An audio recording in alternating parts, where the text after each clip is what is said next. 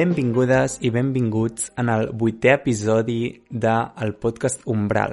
Estem super contents de poder fer aquest episodi especial, oi Gerard?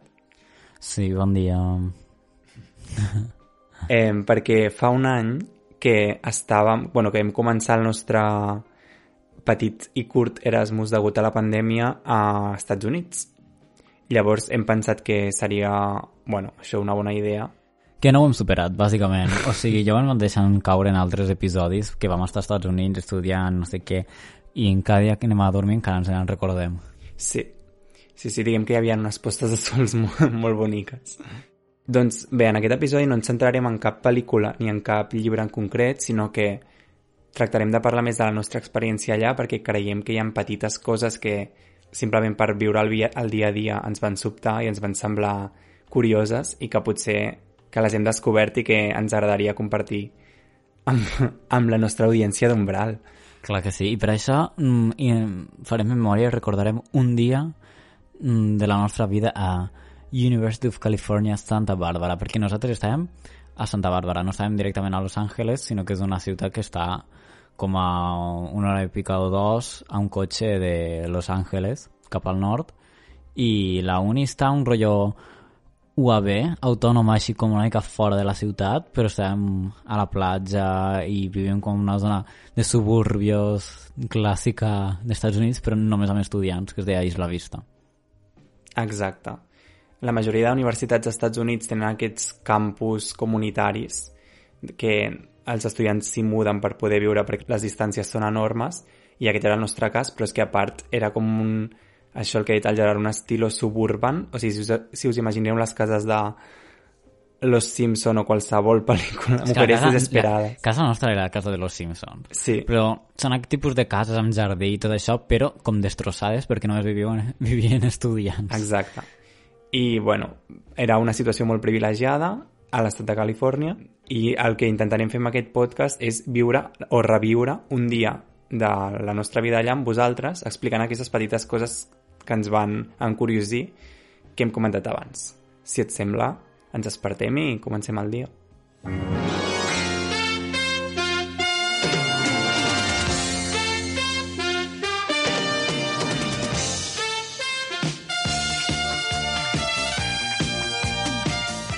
Ens despertem a la costa del Pacífic, a la nostra preciosa casa de nou persones a Isla Vista, que no és una illa, però es diu Isla Vista.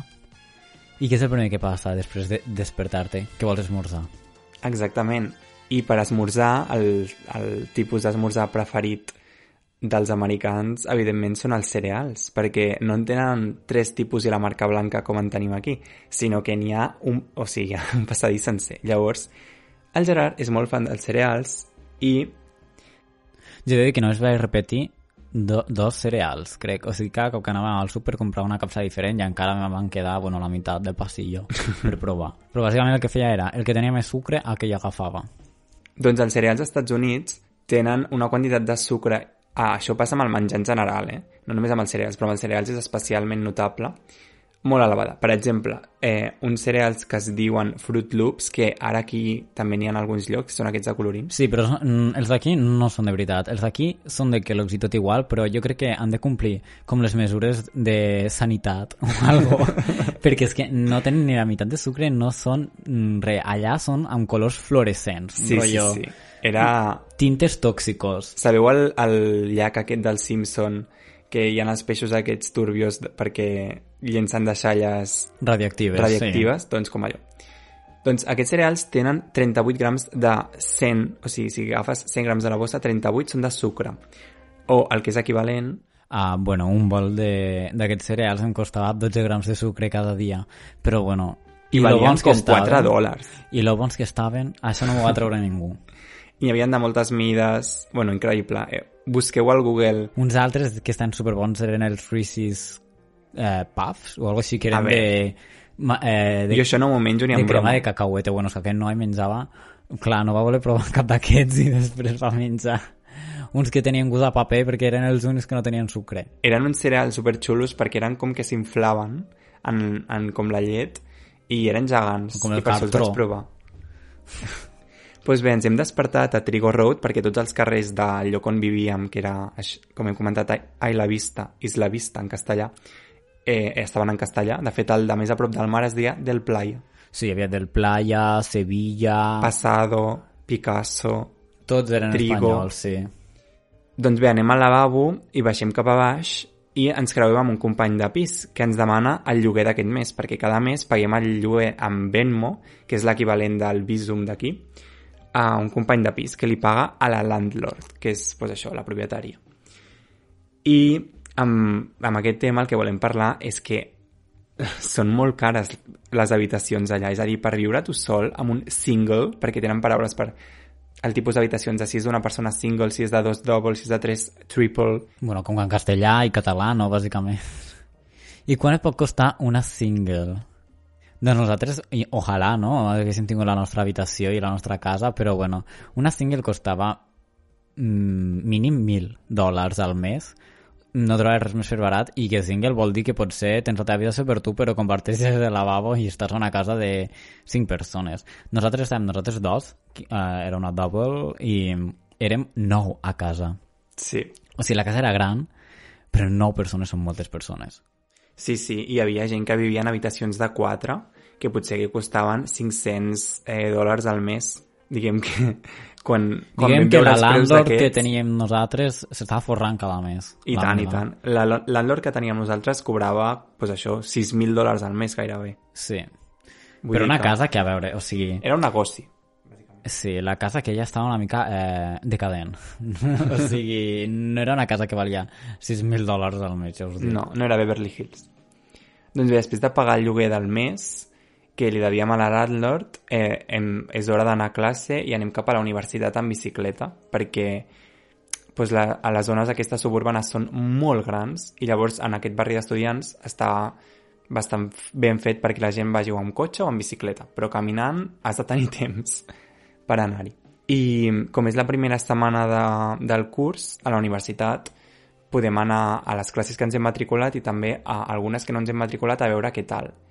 I si aconseguim el codi d'aprovació del profe, que te l'ha de donar si estàs interessat a l'assignatura i no t'has matriculat, però tens interès en matricular-te, llavors t'hi pots matricular. I això està molt bé perquè pots provar diferents assignatures sense haver com pagat ja, diguéssim, els diners que costa.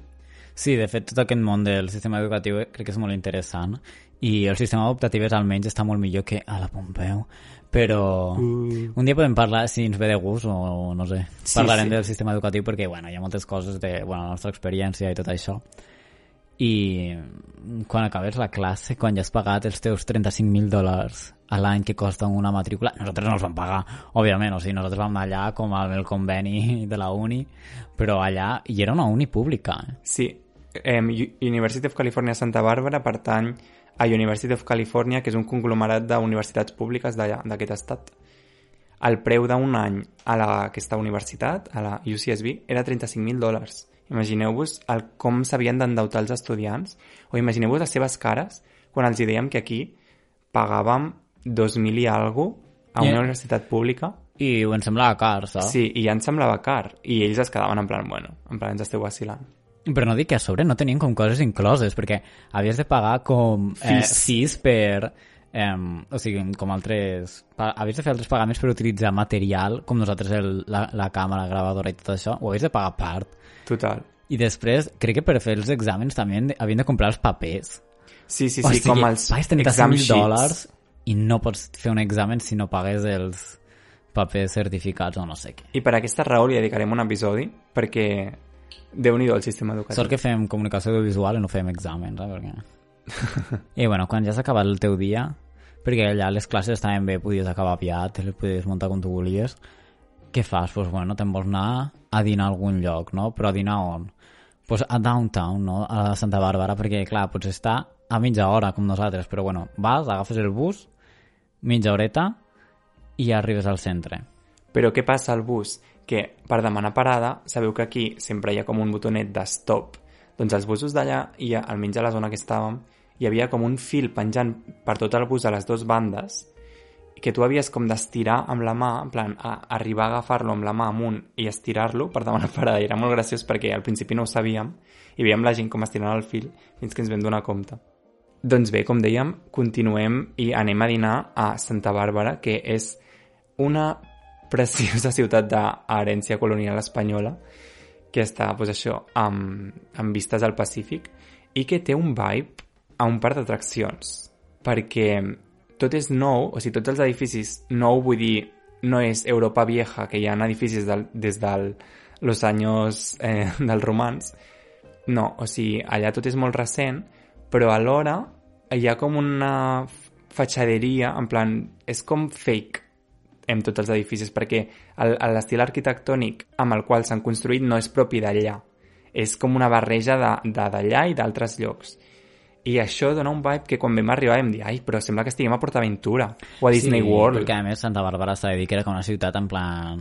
De, que hi ha diners, no? I està com tot molt arreglat, molt així... I llavors, és que era com entrar a México de PortAventura, saps? Amb la, anar a la cantina i tot això, pues era el mateix rotllo, però Bien. en una ciutat, sí, sí.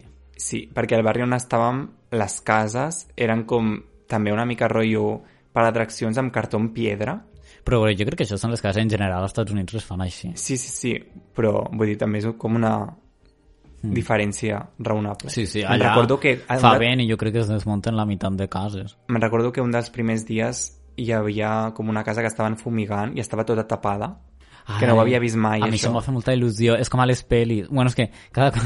O sigui, als Estats Units és, ai, és com a les pel·lis, i jo tot el rato. És com a les pel·lis. O sigui, qual. tenien com tota la casa tapada, que no sé si ho heu vist en alguna pel·li o sèrie, però és que és tal qual, amb una lona i estàvem fumigant allà amb tot el... Bueno, no sé, una fantasia. Doncs bé, com hem dit, anem a dinar a Downtown, a, al centre Santa Bàrbara, a un restaurant mexicà, Car. A un restaurant eh, Italian cuisine, francès, perquè allà tots els restaurants són temàtics, i temàtics ens referim a cuina d'algun país. Costava trobar com restaurants de American food o... Bueno, bàsicament American food Eren és... hamburgueses i ja hamburgueses està. i ja, sí.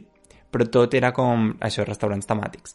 Doncs allà, si et seus a, a menjar a un restaurant, has de donar propina, sí o sí. I el mètode per donar propina és el següent.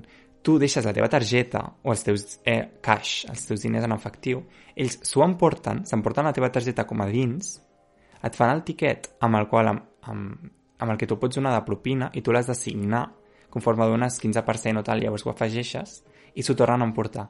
Llavors pots estar com 20 minuts més del que potser estaries aquí pagant. Sí, jo la veritat és que el primer dia em vaig assustar una mica, no? Perquè de cop et demanen la targeta i tu li dones al cambrer i se l'emporten i s'ho cobren ells. Sí, sí. O sigui, ni pins ni nada. Jo no sé com ho fan, però...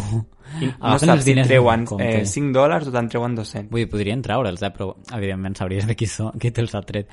I després això, el tant per cent de la tip de, que havies de donar, jo la veritat és que mai vaig arribar a saber com fer-ho, perquè és que jo els càlculs mentals, vull dir, em dedico a fer fotos i vídeos, saps?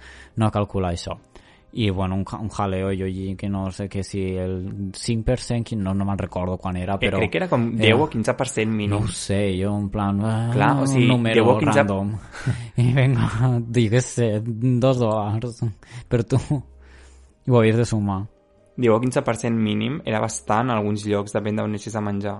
I feia mal com a estudiants, estudiant a fora, la veritat. Doncs bé, després de menjar ens, ens hem adonat eh, que ens falten coses a la nevera per, diguéssim, tenir a, a casa. Llavors anem al súper a comprar. Anar a comprar als Estats Units al súper és una fantasia perquè hi ha moltes coses que aquí no hi ha o que aquí hi ha un i allà hi ha amb 50 marques diferents. I hem de dir que la marca blanca de les coses és molt més inexistent allà que aquí. És a dir, allà hi ha... és que aquí t'encanten les marques blanques sí, sí. vull dir, Hacendado és, un, Exacte. és la millor marca d'Espanya, saps? I una curiositat sobre els súpers que ens agradaria explicar és el tema de la llet i els ous. Perquè la llet i els ous allà els compres a la nevera. Oi que aquí quan comprem la llet pues, està sempre eh, freda, en plan, a una estanteria hi ha, i els ous també, normalment. A algun lloc poden estar a la nevera, però no és tan típic. Pues allà sempre a la nevera, sempre a la nevera. I total, que quan vam tornar ho vaig buscar, per curiositat. I resulta que la llet allà està a la nevera perquè utilitzen un procés de pasteurització diferent que fa, bàsicament, que la lle- o sigui, respecte a l'europeu, que fa que la llet eh, es pugui consumir només durant un període de temps curt. És a dir, com 10 dies com a molt. Llavors, doncs això, la venen com a mesures més grans per a la nevera. I els ous els tenen a la nevera perquè els renten amb aigua i sabó. És a dir, des de que va haver com l'esclat de la salmonella, que a Europa es, es veu que es va afrontar d'una manera diferent i als Estats Units es va afrontar de manera que tots els ous són com blancs, Neutrex blanco puro, i que el rentaven amb aigua i sabó. No sé, ho hem buscat per Agafen el internet. fire i els hi passen una mica abans de col·locar-los a la nevera. Però estaven impecables. I No, ja no sé, no sé quin procés era, però sí, eren mm, super blancs i la llet igual, la llet, el rotllo de la llet era que cada setmana l'havies d'anar a comprar perquè aquí t'agafes un pack de 6 brics te'ls emportes i et duren dos mesos allà cada setmana havies d'agafar la garrafa de llet per menjar-te els cereals i si no es caduca, perquè era com llet, no sé, jo Sí, que sé, sí. en procés, però no durava. I a part que t'ho venen, o sigui, no pots comprar 6 ous. Podies comprar packs a partir d'una dotzena de 12, veritat. de 36 o de 48. O sigui, en quin moment et compres 48 ous de cop? I més si els venen a la nevera, que duren menys. Ja, bueno, també perquè si són una família gran, però clar, jo aquí, a Si Barcelona... són mormons, si compro, si compro aquí per jo sol, compro un paquet de 6 ous, saps? I encara em duren. Allà és que no, no existia aquesta mida. És dir, només hi havia mides grans de tot. Sí, i això de les mides grans passava no només amb la llet i els ous, sinó amb qualsevol cosa. O sigui, venien paquets de cacauets de, no sé, un quilo, dos quilos, tres Dos quilos. Que aquí podries comprar pues, a llocs aquests que vas a, com d'empreses, no sé com Al dir-ho, Comerco. al Comerco i aquests llocs, allà és el supernormal. Sí, allà el supernormal és el Comerco. I bé, quan ja has acabat i portes els 50 quilos de menjar que has comprat per un mòdico precio, et dones compte que tu estàs no, calculant, posant el carro i dius, vale, m'estic gastant això, això és barat, això és car. Vas a pagar i de cop el tiquet et diu un preu desorbitat que no saps per què. D'on ha sortit? Què he comprat? Uns xiclets orbits mmm, supercars? No, què has fet? Però resulta que les taxes, eh, els impostos no estan inclosos en cap preu. State of California... I això em sembla superabsurd, perquè és que... No, bàsicament, que no podies saber- Gastar diners mm, tot el rato sense saber jo. Exacte, no podies predir com la compra, perquè sempre era com una mica més, i si feies una compra per la setmana o per dues setmanes, doncs acabava sent molt més. I sincerament ja era bastant car el súper, més que aquí. Qualsevol cosa bàsica, en plan, cereals que costaven 4 dòlars, potser cada un o 3 i alguna cosa. Pues més les taxes, imagina't tota la compra. Bé, ja hem acabat de comprar les coses al nostre súper i anem amb les bosses carregades i anem a buscar un Lyft o un Uber, perquè, bé, com sabeu, a la zona on estàvem nosaltres eh, hi havia bus, però això és que hi hagi transport públic a una zona dels Estats Units és com super estrany i tothom va en cotxe. I els supers no estan al costat de casa, perquè al costat de casa que tens una altra casa, i al costat de l'altra casa tens una altra casa, perquè és que la gent viu en zones eh, de suburbios on no hi ha res, o sigui, no pots comprar una ampolla d'aigua en lloc. i que són super, super, super, super àmplies. Doncs bé, t'has d'agafar un Uber o un Lyft, que és el mateix que Uber, però una mica més barat, una mica més cutre. I doncs agafem un Uber i un Lyft per anar cap a... per anar a veure la posta de sol, que ara us explicarem. I total, que el conductor de... I deix, deixem, la, deixem el, el, lo del supermercat, ho deixem a casa primer. No ens ho emportem a la Vale, deixem-ho. Que si no els ous i la llet es faran malbé. Doncs bé, volem explicar una anècdota d'un conductor de Lyft que vam tenir a Los Angeles que ens explica una història molt curiosa. Sí, de fet aquí, o sigui, allà la gent que es dedica a Uber i Lyft és molt variopinta, no? O sigui, diguem que és com... És una cosa que molta gent s'hi pot dedicar quan no tens cap altra feina. És no? bàsicament gent com de la classe treballadora. d'aquí, de Globo i tot això, no? Que és com una feina que, que hi pot optar molta gent quan potser no tens una altra feina. Sí. I bàsicament vam entrar, vam entrar a un taxi d'un senyor que era... de- Què era? Colòmbia? No sé segur de quin país era. Era un país sud-americà i sí crec que era Colòmbia. És que crec que era Colòmbia, però bueno, o sigui, llavors molt guai perquè trobes molta... Bueno, un latino no podies parlar en castellà i... Bueno, una fantasia que ens va acabar invitant a casa seva. No, Sí. ens va acabar invitant a un dinar perquè es veu que era com cuiner. Era cuiner, sí, sí. Però és que la, la millor part d'aquesta història era que aquest senyor l'havien segrestat i havia marxat del país i tenia por de tornar-hi. O sigui, l'havien acusat de que el matarien si tornava. I, I havia estat com a la presó, també, crec. Però és que per què era? No era no per recordo. diners? no sé per què, crec que li volien demanar diners i ell, en plan... Sí, Perquè li- venia cotxes. Podria ser que venies... No me'n recordo per què. Tenia un concessionari, no ho sé.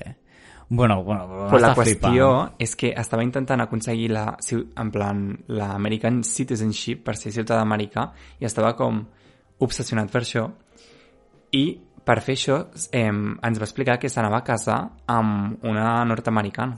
Sí, de fet aquí, bueno, potser ho sabeu, hi ha molta gent que si vols aconseguir ser mm, la nacionalitat americana t'has de casar amb algú d'allà mm, la forma més fàcil. I bàsicament Sí. sí. aquest senyor és el que va fer.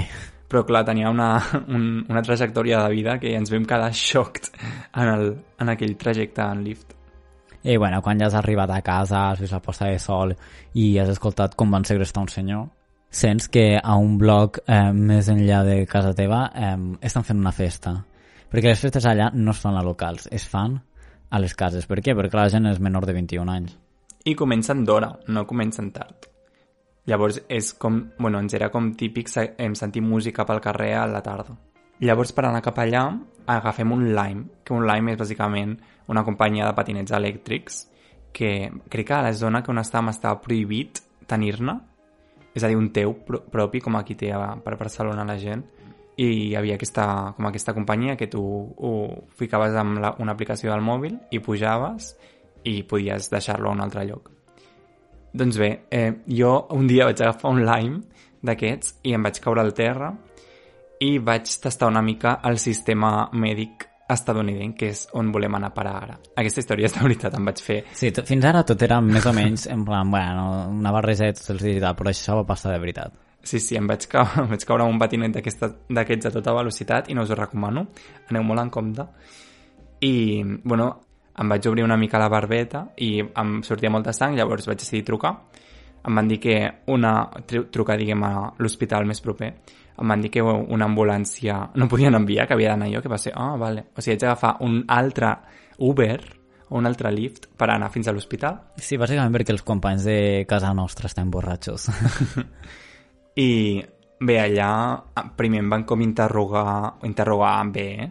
en plan fer una sèrie de preguntes sobre el meu background i tal, una com infermera, que vaig pensar, bueno, primer potser em podríeu curar. I Si després mentre em feu preguntes. gran em, em preguntem, però tu tens una assegurança? I, i després, va, o sigui, va ser com un sistema estrany que crec que aquí no seria el mateix, és, a dir- és a dir, va venir com un infermer, després eh, també fer-me més preguntes i després finalment va venir el metge i em va ficar tres punts, els meus primers punts de la meva vida als Estats Units, en una nit. I finalment eh, em van, va venir un últim eh, senyor quan ja ho tenia com tot curat preguntant-me si tenia assegurança mèdica, quina tenia i tal. Perquè si no la tens, t'ho fan tot igual, però després t'arriba el xec o la factura de 2.000 dòlars a la teva bústia i l'has de pagar, bàsicament. Llavors, bé, em van dir... Bueno, jo, jo evidentment estava assegurat perquè per entrar al sistema universitari ho has d'estar i havia... Em, o sigui, em van demanar que tingués una cita amb, el, amb la clínica de la universitat, que tenen una clínica molt gran, uns dies més endavant, i vaig anar-hi. I un cop ja s'ha curat, o ja s'ha curat no, però ja has tingut el susto de pagaré o no aquesta, aquest metge, pues pots tornar a casa teva i no pots anar a la festa i arribar a la festa. Les festes com són? Bueno, pues són amb mocs vermells, eh, fan molts jocs són bàsicament com totes les pel·lis que heu vist. sí. Són com una paròdia d'ells mateixos, o sigui, és, són tal qual. Sí, però també ets de dir que el, el tema dels jocs i això és com divertit i que potser aquí la gent juga menys a... O sigui, quan estan a una festa i que en comptes d'estar tots assentats doncs tenien com unes tau... a cada casa hi havia com una taula gegant al jardí i jugaven com a variants del beer pong tirant uns daus i tal i que era com divertit de l'imaginari d'allà. Sí, tenen molta més cultura de jocs i de fer coses amb tothom. Aquí és més veure perquè sí, suposo. Més prendre alguna i parlar i ja està. I ah, bàsicament el que feia la gent allà era anar de casa en casa a, a diferents festes si et deixaven entrar. Perquè la cosa és que un dia, a casa nostra, els nostres companys de casa van fer una festa va ser tot un show perquè van contractar a un segurata en, el, en qui li van explicar qui érem cadascun dels membres de la casa perquè ens deixessin entrar, o sigui, un segurata pagant, eh? que es va posar, a a l'entrada i que anava mirant a una llista, bàsicament com a les pel·lis, qui estava convidat i qui no. I per fer aquesta festa ens van comentar que havien llogat uns... Bueno, hi havia uns bafles gegants al jardí que els havien costat 1.000 dòlars. 1.000 dòlars. O sigui, per una festa curta. O sigui, no per un carnaval, una rua o alguna sinó per una festa a una casa que va durar 3 hores o 4. Però que vosaltres direu, bueno, és que vosaltres esteu en una zona alta, no sé què... No, amics, no, us juro, és que us jurem... A veure, òbviament som molt privilegiats d'haver pogut anar allà i tot, però no era una zona... En plan, la gent tenia diners, però això era com mitjà, o sigui, jo crec que... Si vivíem amuntonats en aquella casa. Vull dir, no era del luxe res, ja us ho asseguro. Era car, però no era luxurious. Sí. No, no, no. I això, bueno, això del segurata potser... O sigui, a nosaltres ens va sobtar perquè era casa nostra, però de fet era una cosa que passava cada dia que hi havia una festa. Perquè si volies anar a una fraternitat o una sorority d'aquestes rotllo secta a una festa d'això, no podies entrar perquè hi havia algú al, controlant l'entrada i són cases, o sigui, és casa teva. Sí, sí, clar, si no la gent se't cola al teu, eh, al teu dormitori, et roben coses, no sé què, i com ja, és un bueno, barri... perquè nosaltres vam acabar en alguna casa que tampoc sabíem de qui era. Exacte. I nosaltres quan vam fer la festa, o sigui, estàvem cagats, en rotllo, no vull que entri gent a casa nostra random, saps? Per això també estava bé tindre un segurata que no sé què va fer, honestament, no sé si va controlar gaire, però... No, perquè vam marxar. Però la cosa és que a les 12 de la nit, en el barri que estàvem, s'acaben les festes. Perquè després de no sé què, van haver com disturbis o com molts problemes durant l'última dècada. No, perquè els altres veïns també hi havia com alguna zona amb família, suposo, i això, saps? Sí, però crec que el toc de queda es va afegir tard. En plan, no, no, no havia estat sempre. I bé, no és un toc de queda, però bàsicament a partir de les 12 no es pot posar música. I sí que hi ha algunes cases amb famílies, però poques. Estaven com al marge. Però suposo que ho van fer per això, perquè si no era un show, us heu d'imaginar com pues això, un barri gegant, tot de cases amb estudiants i que al cap de setmana eren tot festes. Llavors ara les festes comencen a les 5 de la tarda i acabaven a les 12. I a les 12 nosaltres clàssicament de cultura espanyola i catalana que sortim fins a les 6 del matí, què fem a les 12 a casa? Pues res, la gent estava... s'acaba la festa i a dormir. Sí, un altre comentari graciós de les festes és que no... O sigui, era com una llei allà que no et podies assentar al terra si havies begut. Eh, si, en plan, si estaves assentat al terra i un policia et veia, tenia permís per detenir-te, perquè era un símbol de que no estava, de vulnerabilitat, en plan que no estaves bé perquè havies begut molt. Te'n recordes? Sí, de fet tampoc es podia portar, si ets menor de 21 anys tampoc podies portar alcohol, ni obert ni tancat. O sigui, no podies, no podies portar una bossa del súper perquè portes una cervesa tancada a algú, no, no, o sigui, ni que li compris el, ni que ho portis per el teu pare que està a casa, no pots carregar res d'alcohol si ets menor de 21 anys. I nosaltres què fèiem? Bueno, no van veure, no pot ser... Havies d'anar buscant gent major de 21 anys perquè et compressin una cervesa. És que a quin país pots conduir al 16 i tothom, literalment tothom tenia cotxe allà i no pots... Eh, és a dir, no pots tenir accés a begudes alcohòliques fins als 21. És que no té cap mena de sentit. Perquè, evidentment, tot, bueno, jo crec que la gent s'ho saltava. I no cal dir que el cotxe del xèrif anava tombant per allà controlant cada dos per tres. Sí, sí, o sigui, hi havia controls eh? pel barri anaven passant els, els polis i tot era molt graciós. Doncs bé, s'han fet les 12 de la nit, eh, ja no ens deixen tenir música i hem decidit anar a dormir a casa. I bé, malgrat que hi hagi el toc de queda a les 12, això, o sigui, era, un, era per una part dolent perquè significava que pues, això s'acabava ràpid, però per l'altra banda teníem tot el dia de demà més frescos que una rosa perquè podíem dormir 8 i 9 hores. bueno, tampoc moltes hores perquè les persianes no hi ha persianes i són com cortines d'aquestes que entra llum. Llavors, bueno, podíem dormir pues, fins que arribava el sol. I res, arribaves a casa, et posaves allí i estaves preparat per un nou dia al país que complirà els vostres somnis, si tens diners. Exacte. I bé, fins aquí el nostre episodi dedicat a, a la nostra experiència. Moltes gràcies per escoltar-nos. Compartiu el nostre episodi si us ha agradat amb qui vulgueu. I sí, no sé, a veure com funciona aquest episodi i si agrada o no, perquè tenim moltes més anècdotes, com per exemple quan vam anar a dormir a Los Angeles a una casa d'un desconegut per 0 euros. El couchsurfing, tota una aventura. Exacte. I bé, per acabar, avui us deixem una cançó que es diu Los Angeles, de John Barry, que forma part de la banda sonora de Walkabout, una pel·lícula del 71 que va ser dirigida per Nicholas Roeg, la qual vam veure durant la nostra estada allà i li tenim com una pressió especial. Esperem que us agradi. Moltes gràcies per escoltar-nos i ens veiem en el següent episodi d'Umbral.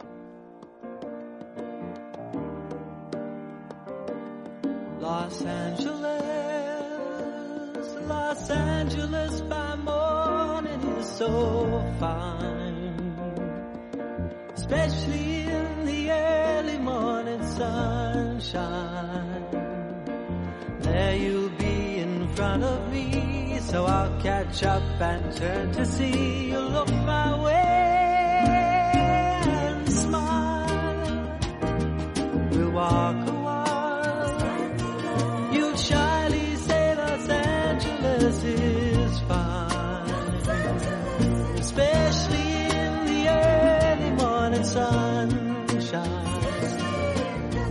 talk about the smog and stuff until I think we're friends enough to say I've got.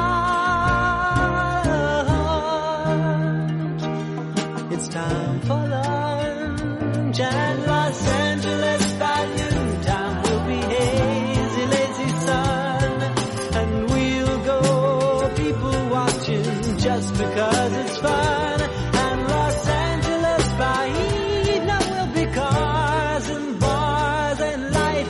bright shining all around us as we stargaze half the